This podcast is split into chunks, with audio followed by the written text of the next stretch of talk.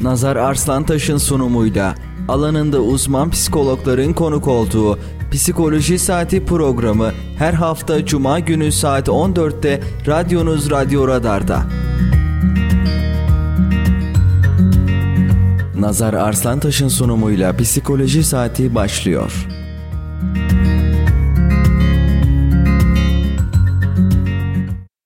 Değerli Radyo Radar dinleyicileri ve Kayseri Radar takipçileri Psikoloji Saati ile karşınızdayız. Ben program sunucunuz Nazar Arslantaş. Bugün e, çok değerli konuğum psikolog Mehmet Sevim bizimle.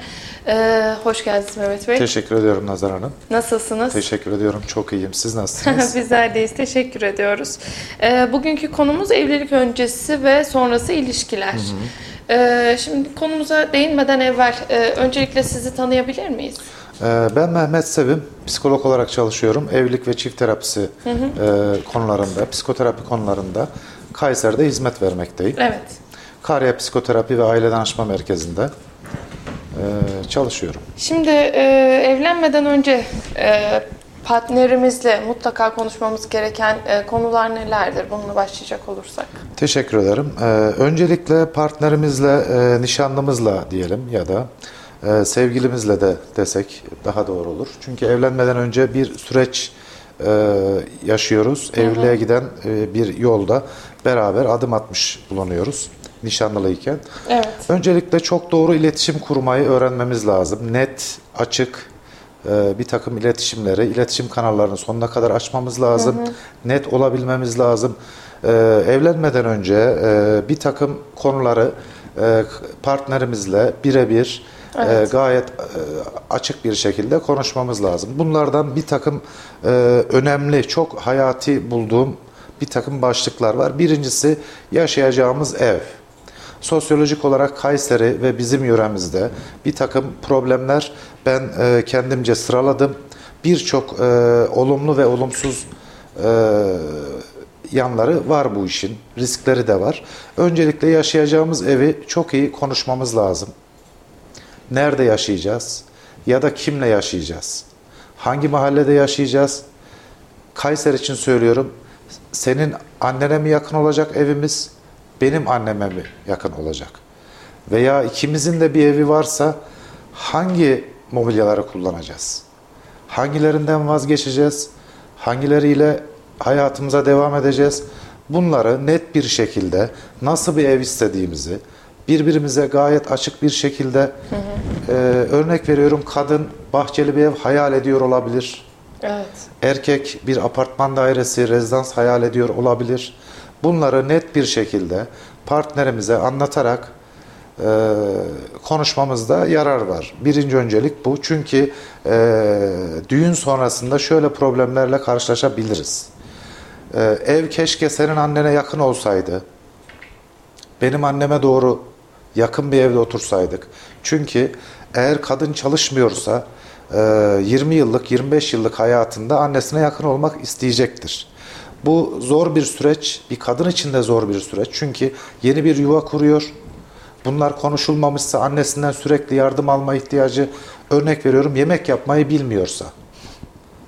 Olabilir, doğaldır. Bilmiyorsa annesinden yardım alacaktır. Ama bunu evlilik öncesinde konuşuyor olmuş olsalardı, konuşmuşlar, konuşsalardı bu risk en azından ortadan kalkmış olacaktı ve daha e, iletişim kanalları evet. için birinci adım atmış olacaklardı. İkinci olarak da finansal durumlara çok dikkat etmeleri gerekiyor. E, evlenecek çiftlere tavsiyemdir. E, para konusunu, finans konusunu genelde e, nişanlılık dönemlerinde konuşmuyorlar. Evet. Bunun konuşulması gerekiyor çünkü e, ne kadar bir bütçemiz var, o bütçeyi neye ayıracağız, evlendikten sonra bu bütçeyi nasıl kullanacağız, eşlerden biri 3-5 e, yıl iyi içip gezmeyi tercih edebilir. Diğeri tutumlu bir ailede yetişmiştir. Finansal olarak biriktirme kültürü vardır kendisinde. Biriktirme taraftarıdır. Bunun ortak olarak finansal durumları kim çalışıyorsa veya ikisi beraber çalışıyorsa finansın nasıl e, yönlendirileceği net bir şekilde yani Kayserili e, mantığı demek istemiyorum ben buna. Ama tüm Türkiye'de özellikle Türk halkında bu parayı konuşmak biraz şey e, gereksiz gibi görünüyor. Ama evlilik sonrasında eğer evlilik öncesinde bunlar konuşulmamışsa paranın kimin yöneteceği veya nasıl finanse edileceği konusunda bir birliktelik, sözel bir birliktelik olmamışsa evlilik sonrası problemler maalesef yaşanabilir. Üçüncü olarak ailevi meseleler. Kültür farkı var mı? Benzerlikler var mı? Aynı yöne bakılabiliyor mu? Aileler denk mi? Meslekten de biraz önce finansal durumlardaki mesleklerden de e, örnek vermemiz gerekiyor evet. aslında. Çünkü şöyle bir durum var. E, iki öğretmenin evliliği çok iyi olabilir. Mesai saatleri açısından. Yani ikisi de cumartesi, pazar tatil. İşte 15 tatilleri var beraber. E, yaz tatillerinde beraber vakit geçirebilirler. Zıt bir şey söylemek istiyorum. Örneğin kadın doktor, erkek öğretmen. E, öğretmen 3 ay tatil yapacak ama doktorun öyle bir imkanı yok. Haliyle denklik dediğim şey bu. Ailevi denklikte de aileler aynı kültürdeler mi? Olmaya da bilirler. Onu ayrıyeten konuşabiliriz. Ama eğer aynı kültürden değillerse denk bir e, durum yine iletişim kanallarını kullanarak denk bir durumda birleşmeleri gerekiyor. Hı hı. Ailevi birliktelik çok önemli. Çünkü e, mesleki problem çözülmüşse, yaşam koşulları ve finansal problemler çözülmüşse ailevi problem mesela şöyle de olabiliyor bazen e, ırklar arası bir evlilik oluyor. Aynı ırktan olmayabilir insanlar. Hı hı. Ya da e, dini boyutları mezhepsel olarak aynı e, illaki aynı mezhepteki insanlar evlenmiyor olabilir. Ben bu arada mezhepler derken bir yanlış anlaşılmaya da mahal vermek istemiyorum bu konuda.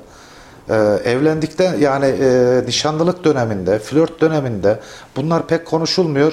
Evlendikten sonra aileler arasında mezhepler konuşuluyor olabilir. Bunları problem yapıyor olabilirler. Evet. Bu problemleri e, bertaraf edebilmek için evlilik öncesinde mezhepsel bir problem varsa, dini boyutta bir problem varsa bunun mutlaka ama mutlaka bunların konuşulması gerekiyor. Bu problemin çözülmesi gerekiyor.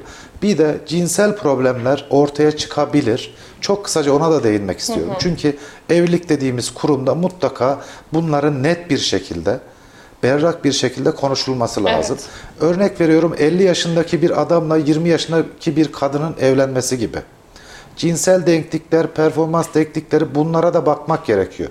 Net, açık bir şekilde bunlar eğer konuşulursa Hı. evlilik öncesinde, evlendikten sonra bu tarz problemlerde e, karşılaşılabilir. Bunları önlemek adına bir de şöyle bir durum var. Ee, evlenmeden önce çocuk sahibi olmak diye bir başlık var. Ee, her erkek e, ve kadın aslında e, kadının yaratılışı ve fıkratı açısından e, anne olma ihtiyacı vardır. Ama erkek eğer bunu e, istemiyorsa, 5 yıl sonra, 10 yıl sonra çocuk sahibi olmak istiyorsa, şöyle bir durum var. Kadın 40 yaşındadır, 35 yaşındadır. Bir an önce fizyolojisi gereği anne olma ihtiyacı vardır. Hı hı. Böyle bir arzusu vardır. Ama bu konuşulmamışsa, evlilik sonrasına bırakılmışsa eğer bu sohbet, mutlaka bir e, problem olacaktır. Erkek şunu da isteyebilir, hemen çocuk sahibi olmak istiyorum. Ama kadın buna hazır değildir. Bunları konuşmaları ya da kaç çocuk olsun. Bunlar mutlaka konuşulmalı bir bir e, karara bağlanmalı evlilik öncesinde. Sonrasında e, bazı danışanlarımdan ben bu e, şikayetleri alıyorum. E, keşke daha erken e, çocuk sahibi olabilseydik. Çok bekledik. Neden bu kadar bekledik? Beklemeseydik gibi keşkeler aslında hayatımızda ev, sadece evlilik hayatımızda değil keşkeler yerine iyi kileri konuşmak hepimize iyi gelecektir. Bunu mutlaka e, konuşmamız lazım. Bir de özel alanlar. Evlenince insanlar şöyle zannediyor. Biz mutlaka e, evlendik artık tamam. Her şeyden elimizi ayağımızı çektik. Artık sosyal hayatımız, sosyal alanımız bitti gibi böyle bir yanlış bir inanış var. Ee, bu bunu ben şuna bağlıyorum. Ben sen olmak ayrı bir şey, biz olabilmek farklı bir şey. Biz olacağımız noktaları mutlaka konuşalım. Evet, e, bir evlilik çerçevesi içerisinde biz oluyoruz zaten. Olmaya çalışalım ama ben nereye gittim? Sen nerede kaldın? Yani birbirimize özel alanlarımıza, özel sınırlarımıza e, girmemek kaydıyla sen yine sen olarak kalmalısın ben yine ben olarak kalmalıyım ama ortak noktamız bizi de e, beslememiz gerekiyor. Şimdi zaten hocam e, muhtemelen gençlerin de en korktuğu şeylerden biridir. Yani aslında evlilik yapmadan evvel de bizim bir hayatımız vardı. Evlilik yapmadan evvel de kendi arkadaşlarımız, sosyal Çok doğru. yaşantımız ya da tek başımıza yap- yaptığımız aktivitelerimiz vardı. E, şimdi evlendik bunları yapmayacak mıyız? Tabii ki de yapacağız ve e, bence de e, her iki bireyin de biraz daha e, kafa dinlemek adına e, bekarken yaptıkları aktiviteleri de hala yapması gerektiğini düşünüyorum. Ayrıca her iki tarafta e, evlenmeden evvelki arkadaşlarıyla bence de hala görüşebilirler diye düşünüyorum. Yani evet biz bir hayatı birleştiriyoruz bir noktada ama hepsini mi birleştiriyoruz hayatımızın? Hepsini birleştirmiyoruz. Hepsini birleştirmek zorunda da değiliz.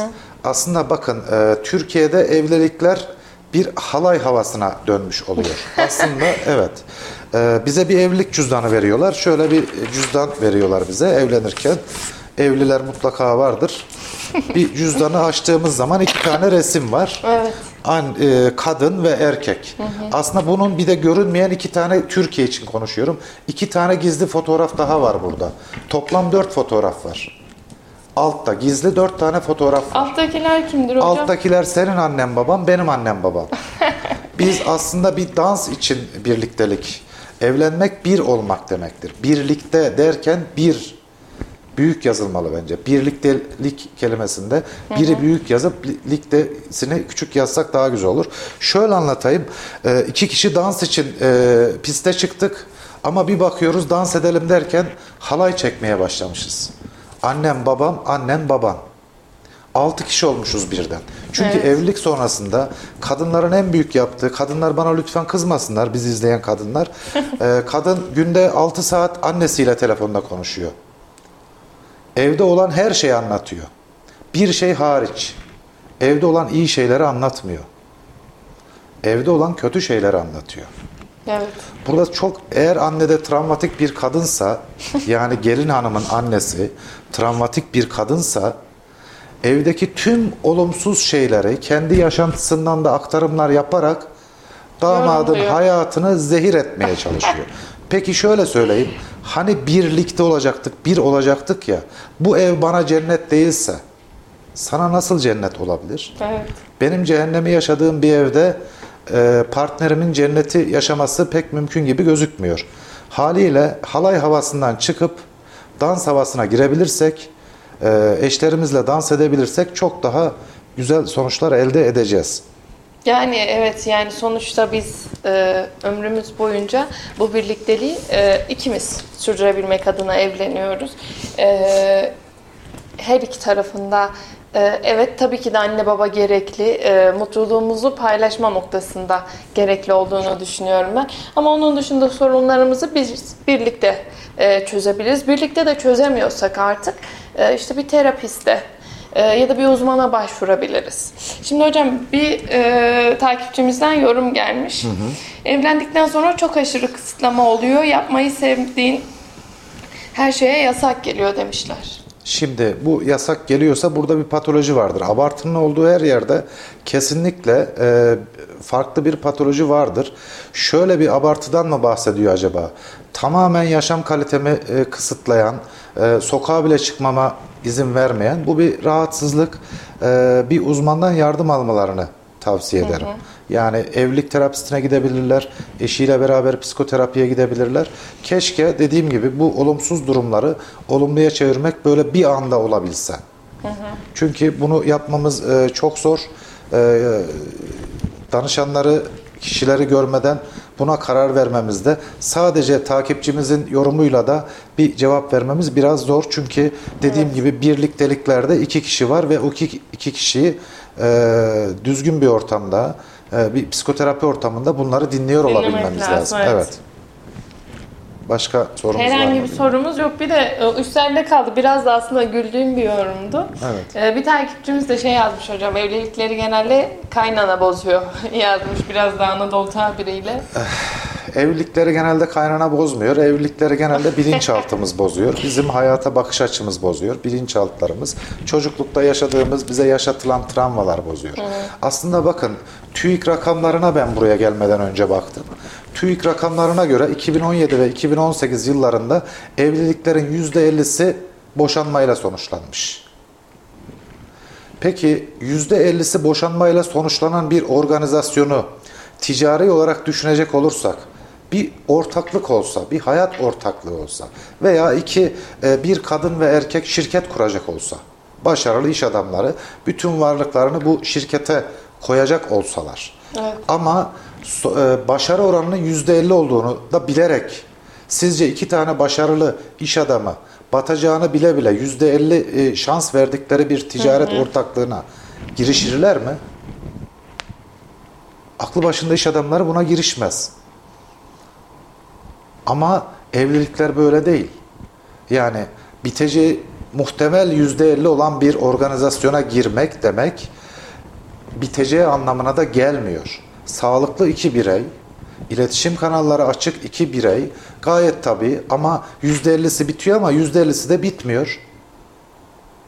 Diğer %50'yi görerek ve bir takım farkındalıklara, iletişim kanallarını açarak veya böyle bir problem varsa bir uzmandan yardım alıp psikoterapi kurallarını, psikoterapi yöntemlerini kullanarak bu işi de gayet tabii çözebiliriz diye düşünüyorum. Kesinlikle.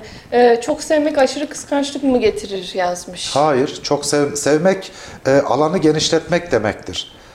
E, iki partner birbirini çok seviyorsa eğer, dediğim gibi aslında ben bir örnek verebilir miyim size? Tabii ki hocam. Sevgiyle alakalı bir e, şema çizmek istiyorum. Tabii ki eğer hocam. müsaadeniz olursa. Bakın, e, şöyle bir şemamız var. Sevgiyle alakalı bu biz.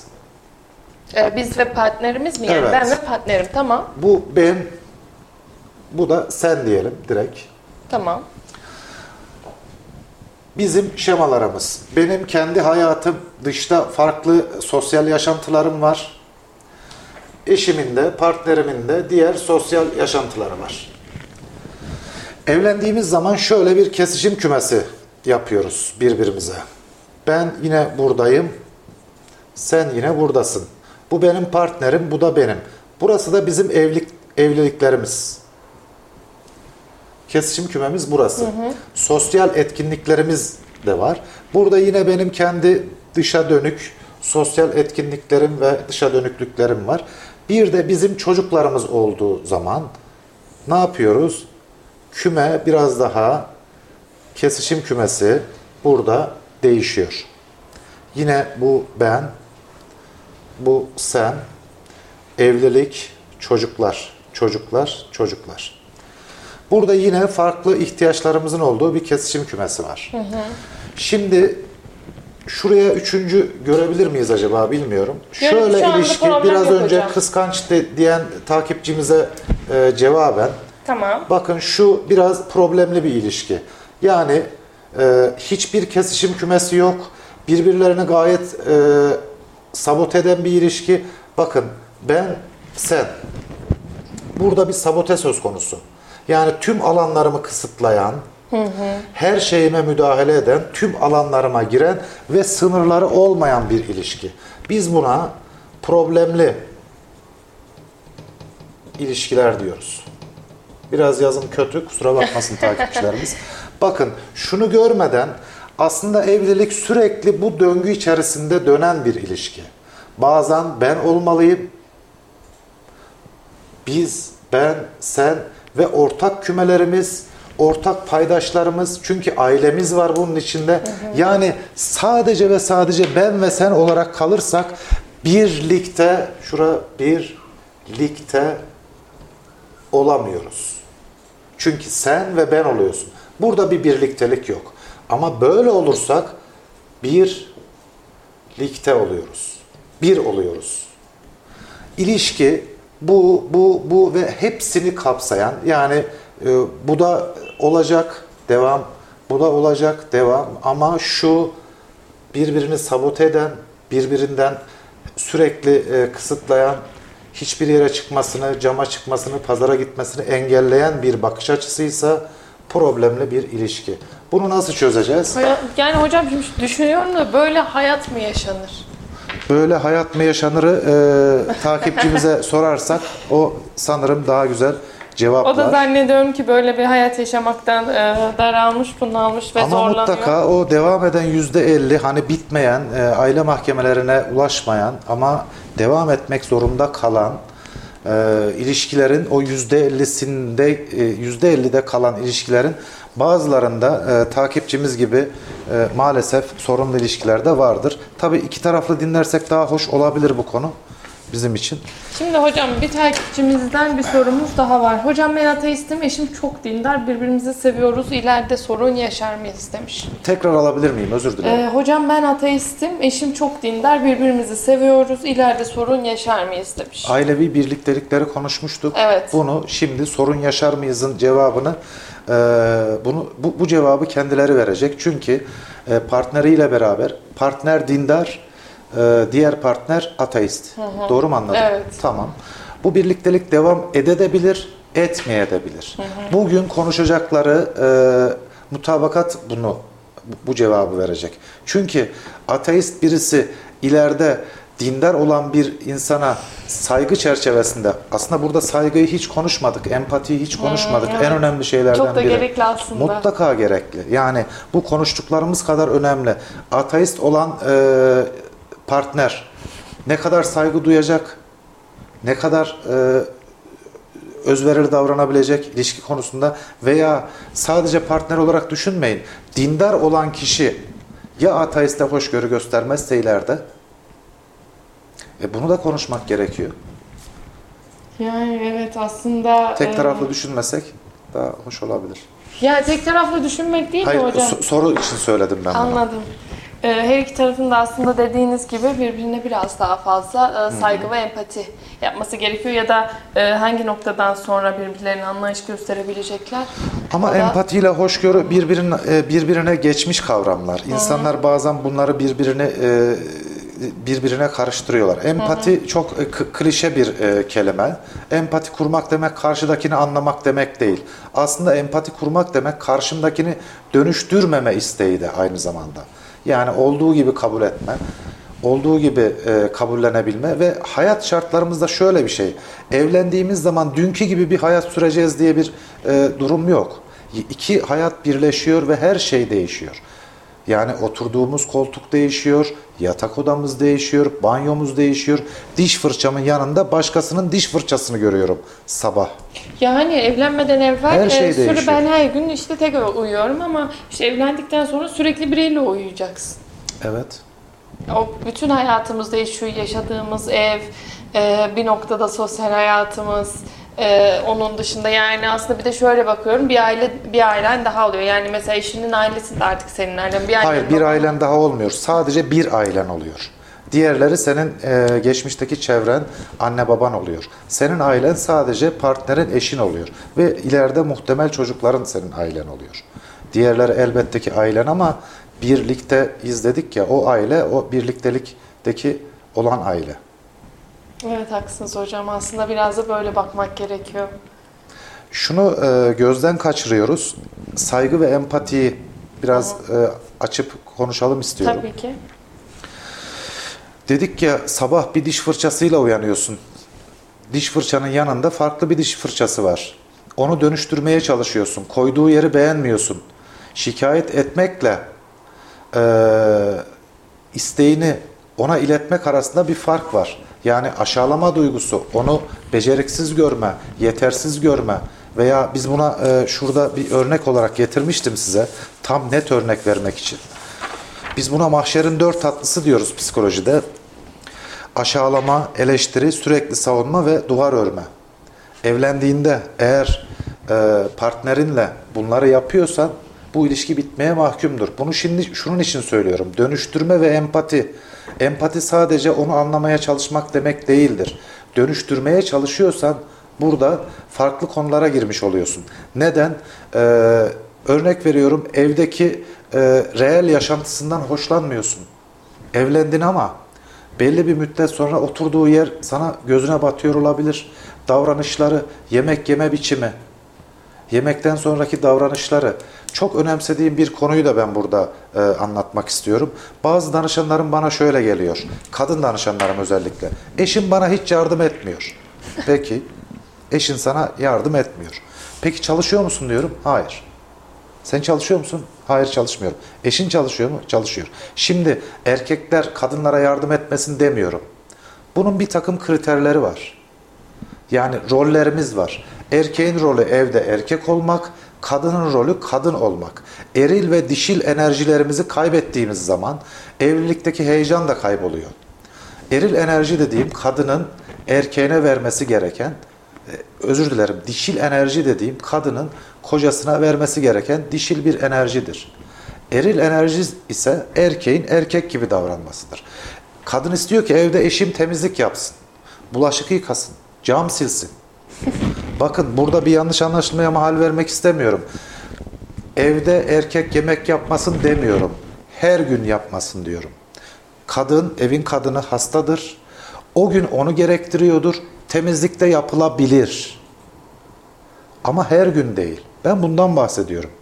Yapılmalı, yerinde, tadında yapılmalı diyorum.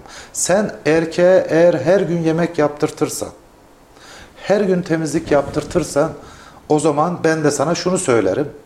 Ee, güç gerektiren, e, eril bir enerji gerektiren işlerde de yani kadının yapması gereken işlerde erkeğin yapmasını senden bekleyebilirim. Çünkü ben senin yapman gereken işleri yapıyorum evde. Temizlik yaptırtıyorsun bana. E o zaman sen de kanepenin yerini değiştir. Hı? Benim yapmam gereken örneğin sobalı evde oturuyoruz. Örnek veriyorum. O zaman kömürü sen taşı. Sobayı sen yak. Sobayı sen temizle. Bakın ne oluyor sonra biliyor musunuz? Erkeğe benzeyen kadınlar, kadına benzeyen erkekler. Yani eril ve dişil enerjilerimiz birbirine karışıyor. Kim erkek, kim kadın ilişki böyle bozulmaya maalesef başlıyor. Şimdi hocam bir yorumumuz var. Ee, eşimin ailesini kendi ailemden çok seviyorum. Onlarla da vakit geçirmeyi seviyorum ama bu benim kendi ailemle olan ilişkilerimi yıpratıyor. Ne yapmam gerekiyor demiş. Bir an önce uzaklaşsın. ne, hangi bir taraftan? olsunlar. İki taraftan da. Birlikte olmayı denesinler. Birlikte e, eşit miktarda vakit geçirmek e, sanki o aile için daha doğru olabilir gibi geldi bana. Ee, Bir de bir sorumuz daha. Ee, merhabalar, hayırlı yayınlar demişler. Teşekkür ediyoruz.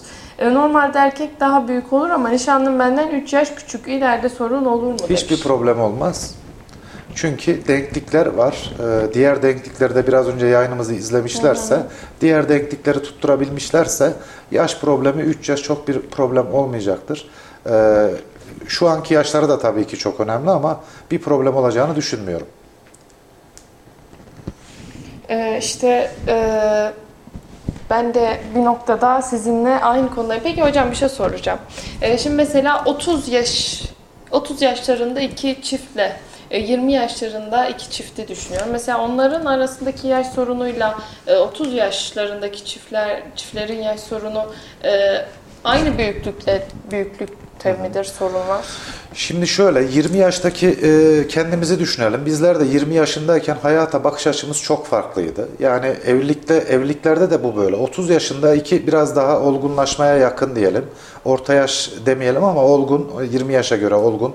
Çiftler evlendikleri zaman hayata bakış açıları daha olumlu.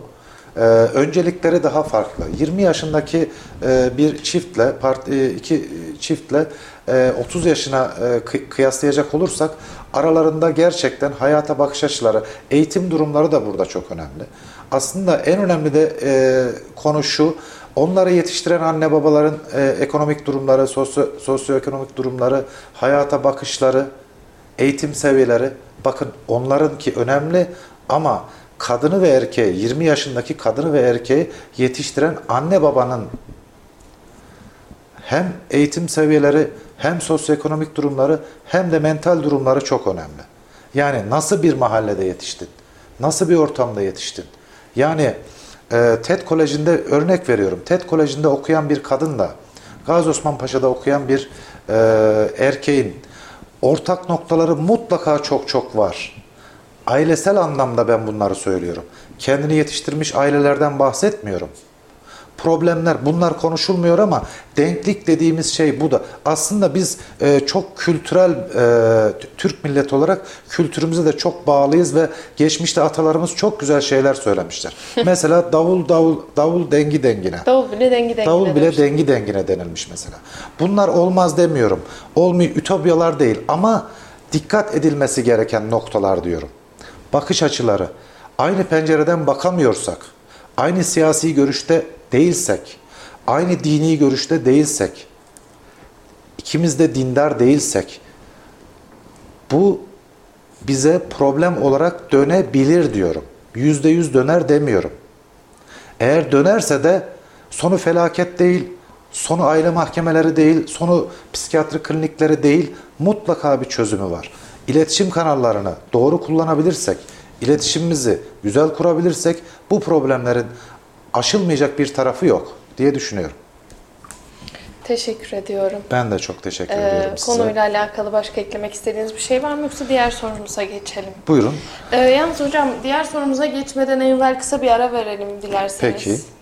Ee, değerli Radyo Radar dinleyicileri ve Kayseri Radar takipçileri kısa bir aranın ardından tekrardan birlikte olacağız. İyi günler diliyorum.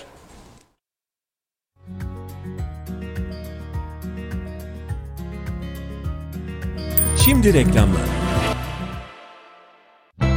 Kitap ve kırtasiye ihtiyaçlarınızın hepsi uygun fiyatlarla Vizyon Kitap Evi'nde. İlk öğretim ders kitapları, AYT, TYT hazırlık kitapları, güncel kitaplar, dünya klasikleri, çeşit çeşit kırtasiye ürünleri ve çok daha fazlası Vizyon Kitap Evi'nde. Vizyon Kitap Evi, Meysu Outlet'te. Üstün Alman teknolojisi ürünü Profilo artık Sivas Caddesi'nde. Evlenecekler, evini yenileyecekler, beyaz eşya ihtiyacı olanlar, avantajlı fiyatlarla beyaz eşya almak isteyenler. Sivas Caddesi Profilo mağazamıza bekliyoruz. Üstelik 36 aya varan taksit avantajıyla kart yok, kefil yok, peşinat yok. Profilo Sivas Caddesi'nde Emirgan Parkı karşısında. Oh be profilo varmış. Oh oh. Oh be profilo varmış. Bir imza düşünün. Olduğu her yere değer katan, hayat veren. Hayalleri gerçeğe dönüştürürken memleketin her karış toprağına güçlü projelerin temelini atan bir imza. İlkleri yaşatan aynı imza şimdi sizleri yeni projelerine davet ediyor. Bu imzayı tanıyorsunuz. Çünkü 5 yıldır olduğu her yerde farkını yaşıyorsunuz. En iyisini isteyenler için değeri her geçen gün artan yaşam projeleri Grup Avenir güvencesiyle Yozgat ve Kayseri'de.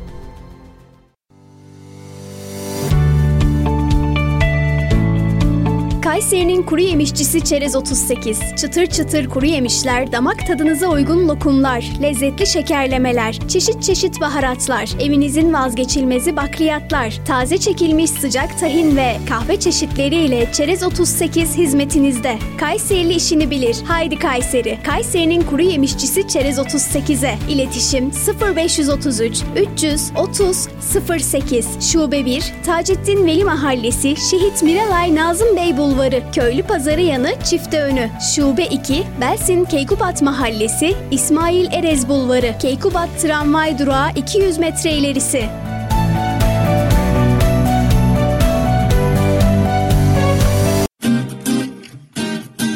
Üstün Alman teknolojisi ürünü Profilo artık Sivas Caddesi'nde. Evlenecekler, evini yenileyecekler, beyaz eşya ihtiyacı olanlar, avantajlı fiyatlarla beyaz eşya almak isteyenler. Sivas Caddesi Profilo mağazamıza bekliyoruz. Üstelik 36 aya varan taksit avantajıyla kart yok, kefil yok, peşinat yok. Profilo Sivas Caddesi'nde Emirgan Parkı karşısında. Oh be profilo varmış. Oh oh. Oh be profilo varmış. Bir imza düşünün. Olduğu her yere değer katan, hayat veren. Hayalleri gerçeğe dönüştürürken memleketin her karış toprağına güçlü projelerin temelini atan bir imza. İlkleri yaşatan aynı imza şimdi sizleri yeni projelerine davet ediyor. Bu imzayı tanıyorsunuz. Çünkü 5 yıldır olduğu her yerde farkını yaşıyorsunuz. En iyisini isteyenler için değeri her geçen gün artan yaşam projeleri Grup Avenir güvencesiyle Yozgat ve Kayseri'de.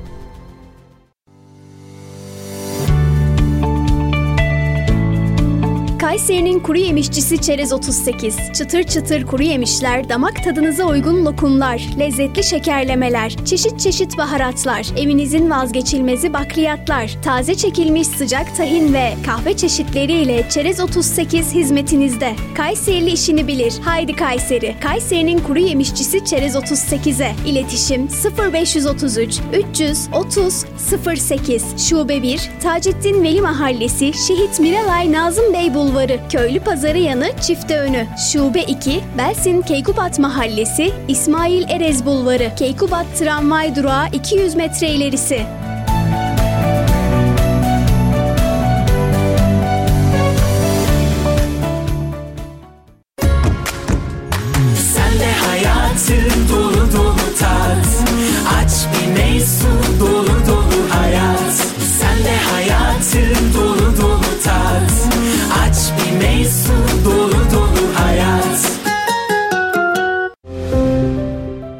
Mücevherat Moda Huri'de Reklamları dinlediniz.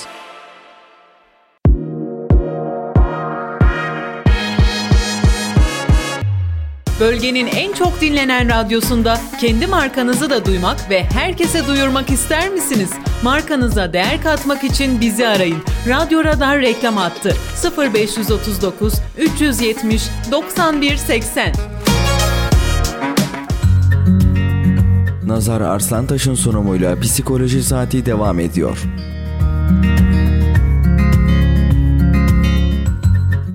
Değerli izleyicilerimiz ve değerli dinleyicilerimiz tekrardan bir aradayız. Yayınımıza kaldığımız yerden devam ediyoruz. Ee, şimdi hocam dilerseniz sorularımızdan devam edelim. Ee, bir takipçimiz 6 senedir bir beraberliğimiz var ama evlenemiyoruz ek- ekonomik açıdan. Bu bizim ilişkimizi etkiler mi demiş. Hiç etkilemez kaçsınlar o zaman. Bunu mu söyleyelim? Yani, şimdi şöyle, e, ekonomik, pardon, açıları evet. e, evlenmelerine müsaade etmiyor. Ama burada kararlı olmanın çok büyük etkisi var aileler açısından. Kararlı durmak, dik durmak ve ne istediğini biliyor olmak. O biraz önceki söylediğim tabii ki bir espriydi. Evet. Ee, konuyu biraz da e, şey yapmak için. Ee, dik durabilmek, e, kararlı olabilmek ve ne istediğini bilmek, e, sü- süreye e, takılmak da doğru bir şey değil. Yani ne güzel 6 yıl çok hoş bir şekilde kendilerini net bir şekilde tanıyabilmişler. Bunu avantaja çevirebilirler.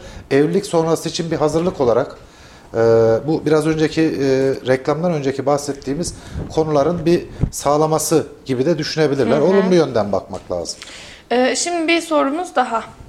Ee, benim kocam kendi akrabalarıyla ne de benim akrabalarımla içli dışlı olmamı istemiyor. Evde oturayım kimseyle ilişkim olmasını istiyor. Ben de tam tersiyim, sor, tam tersiyim sorun onda mı bende mi demiş. Sorun ilişkide bu problemli ilişki dediğimiz birbirini sabote eden, birbirinden sürekli e, bir şeyler koparmaya çalışan. Yani aslında bu mahşerin dört atlısında bahsedecektik ama konumuz oraya gelmedi. Duvar ören bir ilişki. evet. Şimdi hocam eee, aslında yani düşünüyorum. Eee, evet biriyle bir birliktelik kuruyoruz. Ama işte bu gösterdiğimiz tablonun dışına çıkamıyoruz. Peki sizin çözüm öneriniz nedir? Kesinlikle psikoterapi bir uzmandan yardım alınabilir. Aslında ben e, nişanlılı çiftlere şunu öneriyorum. Bunu e, bir yatırım olarak düşünebilirler. Evlilik yatırım olarak düşünebilirler bu sözümü. Kesinlikle bir evlilik terapistine gitmeleri. Nişanlılıyken de gidilebilir, sevgiliyken de gidilebilir. Çünkü birbirlerini tanımaları açısından, e, olumlu ve olumsuz yönlerini e, görmeleri açısından, olumsuz yönlerini olumlu yöne e, evirebilmek için bir şanstır aslında. Çünkü e, evlendikten sonra bu şansı mutlaka var. Yakalayabilirler, daha iyi görebilirler. Ama evlilik öncesinde bu bir yatırım olabilir kendilerine. Bir uzmandan yardım almalarını mutlaka istiyorum. Şimdi ben e, her konuda bir uzmandan yardım ar- alınması taraftarıyım ama Hı hı. şimdi şöyle düşünüyorum hocam. Bu kafa yapısında bir adam yani Evet. kadını olabildiğince kısıtlıyor, oraya çıkarmıyor. işte kıyafetlerine karışıyor, görüştüğü insanlara karışıyor. Hem kendi akrabalarıyla hem e, kadının akrabalarıyla görüşmesini istemiyor. E, sizce sorunun kendinde olduğunu düşünür mü? Terapiye gelir mi? Yani bunu kabul eder mi?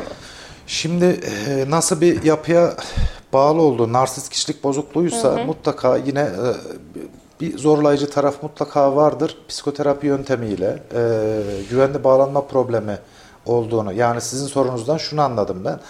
O tarz bir kişilikte olan kişi güvenli bağlanma problemi vardır. Çocukken yaşamış olduğu, yaşatılan, çocukken ona yaşatılan travmaların sonucu olarak yani bugün yaptığı e, davranışları biz bugün de aramıyoruz. Evet.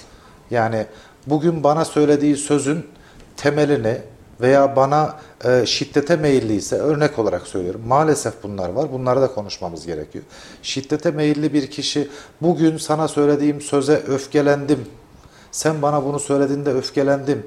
Öfkenin altında mutlaka bir patoloji vardır ve çocuklukta yaşamış olduğu, ona yaşatılan travmatik bir anı mutlaka vardır. Hı hı. Ben bir örnek vermek istiyorum size. Tabii Beynimiz şu şekilde çalışıyor. Milyarlarca kitabın olduğu bir kütüphane beynimiz.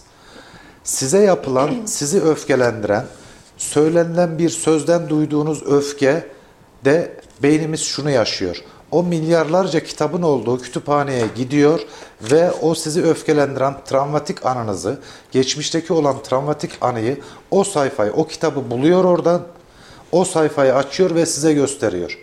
Öfke bu şekilde fiili olarak sizin karşınıza çıkıyor. Şimdi hocam aslında bunu merak ediyorum. Şimdi iki bir ilişki var diyelim. Taraflardan biri birbirini aldattı. Güven sorunu oluştu haliyle ortada. Bu güven sorunu sonradan çözülebilir mi? Yani tekrardan karşı tarafa güvenilebilir mi? Şimdi şöyle öncelikle aldatan kişinin kim olduğuna da bağlı. Yani, yani kadın, kadın ya da erkek olunca değişiyor mu ki durumlar? Şöyle değişmiyor, zorlaşıyor sadece. Anladım. Ee, evril yani kadınlar e, bakın şöyledir. Kadınlar romantik, erkekler erotiktir. yani erkek aldattığı zaman tabii ki doğru bir şeyden bahsetmiyoruz. Kadın e, günübirlik ilişkileri affetmekle daha e, yatkın. Erkeğin aldatmasında affetsinler demiyorum. Affetmesinler de demiyorum. Bu farklı bir konsept. Hı hı. Erkek aldatmışsa aldatan kişi, aldatılan kişi yani karşıdaki kadın, üçüncü kadınla günübirlik ilişkideki affetme süresi farklı. Oradaki travmatik durum farklı ama aşk var, sevgi var. Hani romantik romantizm varsa kadın o zaman daha farklı bir tepki veriyor. Günübirlik ilişkiye verdiği tepki farklı romantik bir ilişkiye verdiği tepki farklı. Ama erkekler için bunu söyleyemeyeceğim. Çünkü erkekler dediğim gibi erotizm odaklıdır. Aldatılmanın niteliği neyse ona göre büyük tepkiler verebilir. Bu affedilebilir mi veya bu düzeltilebilir mi? Bunu baş edebilir miyiz bununla? Elbette baş edebiliriz. Psikoterapi yöntemini kullanabiliriz. Evlilik ve çift terapisi yöntemini kullanabiliriz. Uzun bir süreç, kaygılı ve sancılı bir süreç.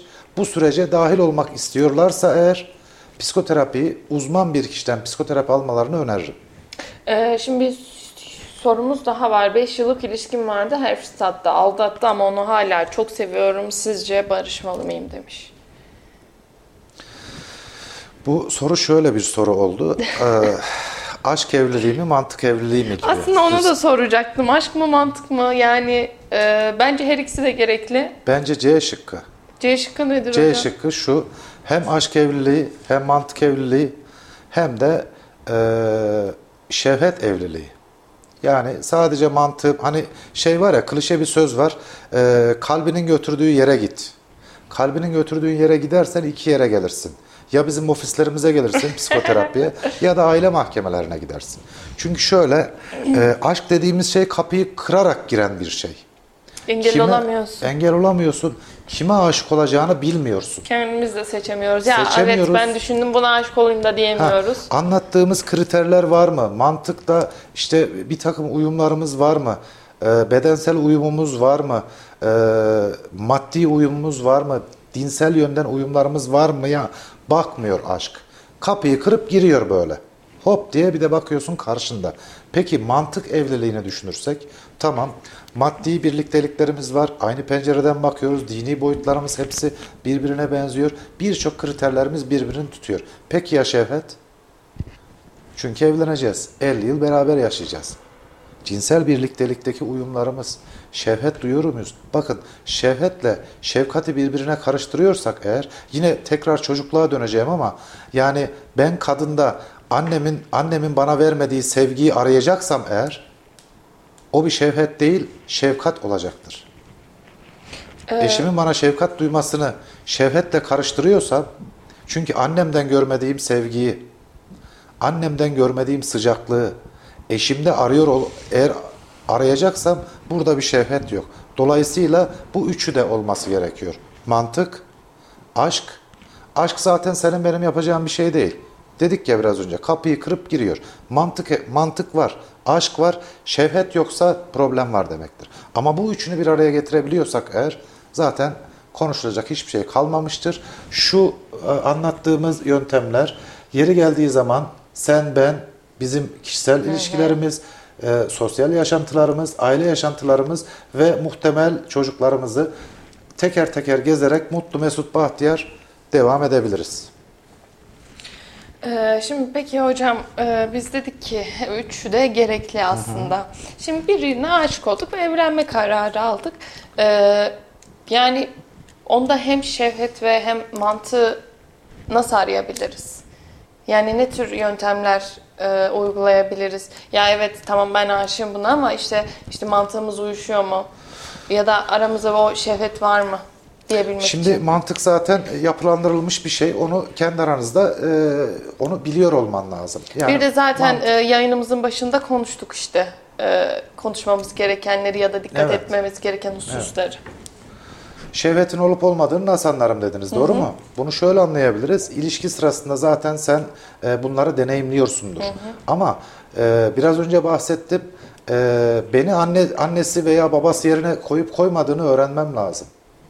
Evlendikten sonra bana eşi gibi davranıp davranmayacağını, yani iki yetişkin birey gibi bir ilişki mi yaşayacağız, yoksa beni ebeveyn yerine koyup, kendisi çocuk rolüne bürülüp, zihinsel olarak, mental olarak beni e, sabot edecek mi?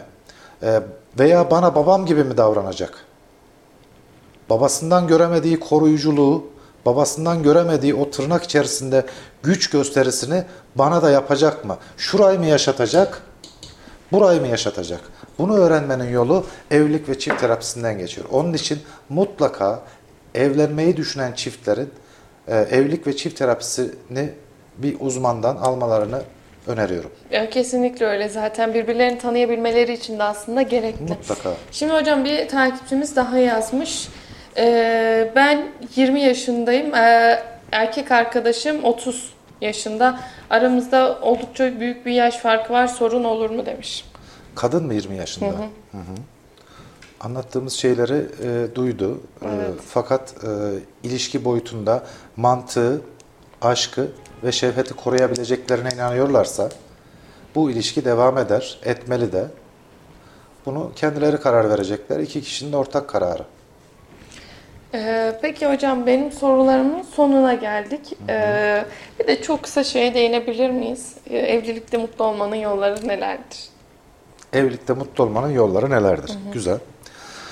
Çok kısa değinelim dilerseniz. Evet, tamamen aslında empati kurmak ve saygı, birbirine dönüştürmeme kararı, şikayetle istek arasındaki farkı çok iyi anlama, iletişim kanallarını sürekli açık tutma, eğer bir arzu istek varsa bunu şikayet anlamında e, aşağılamadan, e, ötekileştirmeden, değersizleştirmeden net bir şekilde ifade edebilme, gözlerin içine bakabilme ve beraber vakit geçirmeyi, o kıymeti, kıymetli anın kıymetini bilebilmek.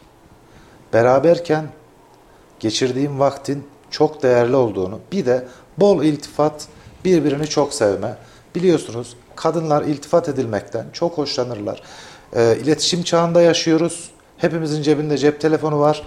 Sabah evden çıkarken paldır küldür dışarı çıkmış olsak bile öyle günlerimiz mutlaka var. Bir WhatsApp mesajı, gün içerisinde seni özledim mesajı, kokunu özledim mesajı örnek olarak veriyorum. Bunun e, bir aslında ben e, şey diyorum bazı danışanlarıma. Aranızda bir WhatsApp grubu kurun. Yani nedir biliyor musunuz? Eşler arasında WhatsApp grubu ikisi. Çok böyle ütopik e, isimlerde konulabilir o WhatsApp gruplarına. Buradan yazışmalar. Sadece kendilerine özel. Kendi hayatlarına özel. Kimse yokken yalnızken konuştukları şeyleri orada konuşsunlar. Grup. Birbirle evet. Ama birbirlerine zaten- arzularını. Ee, bireyselde de WhatsApp'tan Tamam. mesajlaşabiliyorlar Çok ya. iyi. Ama bu bir grup olsun. Bakın başka bir noktaya getirmek istiyorum ilişkiyi. Evet. Evet, birbirimizle mesajlaşabiliriz. Onda bir beis yok.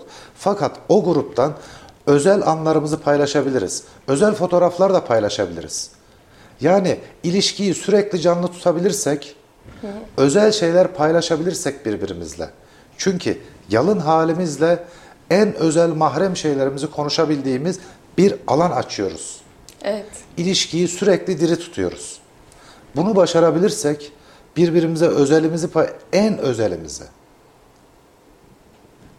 Bakın bedensel anlamda demiyorum. Sözel anlamda da özel şeyler ilişkimizi diri tutabilir. Bu çok faydalı bir şey. Ben danışanlarıma tavsiye ediyorum bunu. Ya aslında ben de e, ilişkilere bir artı katacağına inanıyorum ama şimdi bunu erkekler özelinde de söylemek istemiyorum. E, ama bazen böyle işte mesajlaşmadan kaçmalar vesaire. Ya mesela kendi ilişkim özelinde söyleyecek olursam biz gün içerisinde çok az mesajlaşıyoruz. Neredeyse işte e, bir 15 mesaj vesaire bir gün boyunca. Ee, çoğu zaman birbirimize günaydın mesaj atmayı bile unutuyoruz neredeyse. Ee, ben e, bunu yine söylüyorum erkekler özelinde söylemek istemiyorum ama genelde erkekler böyle. Hemen WhatsApp grubu kuralım. Hemen çok acil özel bir isim bulalım ama bu WhatsApp grubuna. Ben bu ismi burada zikretmek istemiyorum ama kendi ilişkinizi gözden geçirip özel bir isim bulunabilir ve o WhatsApp grubundan evet yani çok rahat WhatsApp e, mesajlaşması yapıyoruz. Ben normal mesajdan bahsetmiyorum bakın. İlişkiyi özel bir noktaya getirmekten bahsediyorum. O grubu kurarsanız oradan devam etme şansı o, ne oluyor biliyor musunuz? Algıda seçicilik oluyor o zaman. Özel bir grup tırnak içerisinde özel şeyler paylaşacağım. İlişkimi diri tutacağım. Konu bu. Gayet net. Peki teşekkür ederim hocam. Ben de çok Sizlerin teşekkür eklemek ediyorum. istediğiniz bir şey var Çok mı? teşekkür ediyorum. Milletimizin bu arada e, onu başta söylememiz gerekiyordu. 6 Şubat'ta yaşadığımız Kahramanmaraş merkezli depremde birçok insanımızın can kaybı var. Evet. Ölenlere Allah'tan rahmet diliyorum.